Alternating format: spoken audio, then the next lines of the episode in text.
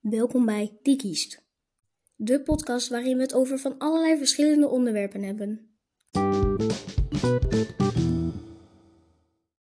Met deze keer als vraag: Hoe is het om pensioen te hebben?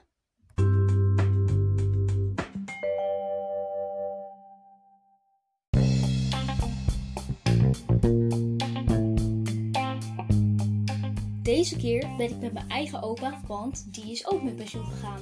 Ja, en daar is hij blij mee. Hoe is het om met pensioen te gaan? Heerlijk.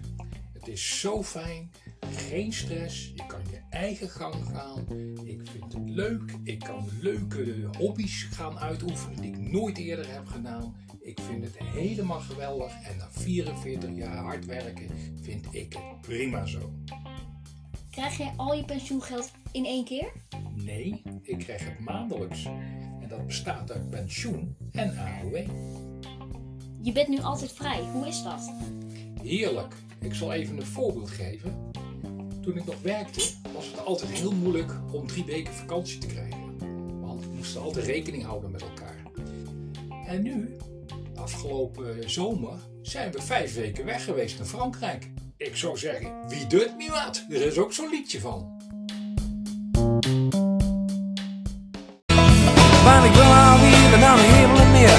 Ik kan de hek niet meer, want ik ken het hier. Ik dadelijk oversloot, die ga dan ben ik weer terug in Nederland. Ik wil alweer naar de Bagenpas. Ga gezien de Noord en het Oosterse bos. Eigenlijk zo vieze en de weet niet sneeuw. Dan ging het als vanzelf. Wie dat mij wat, wie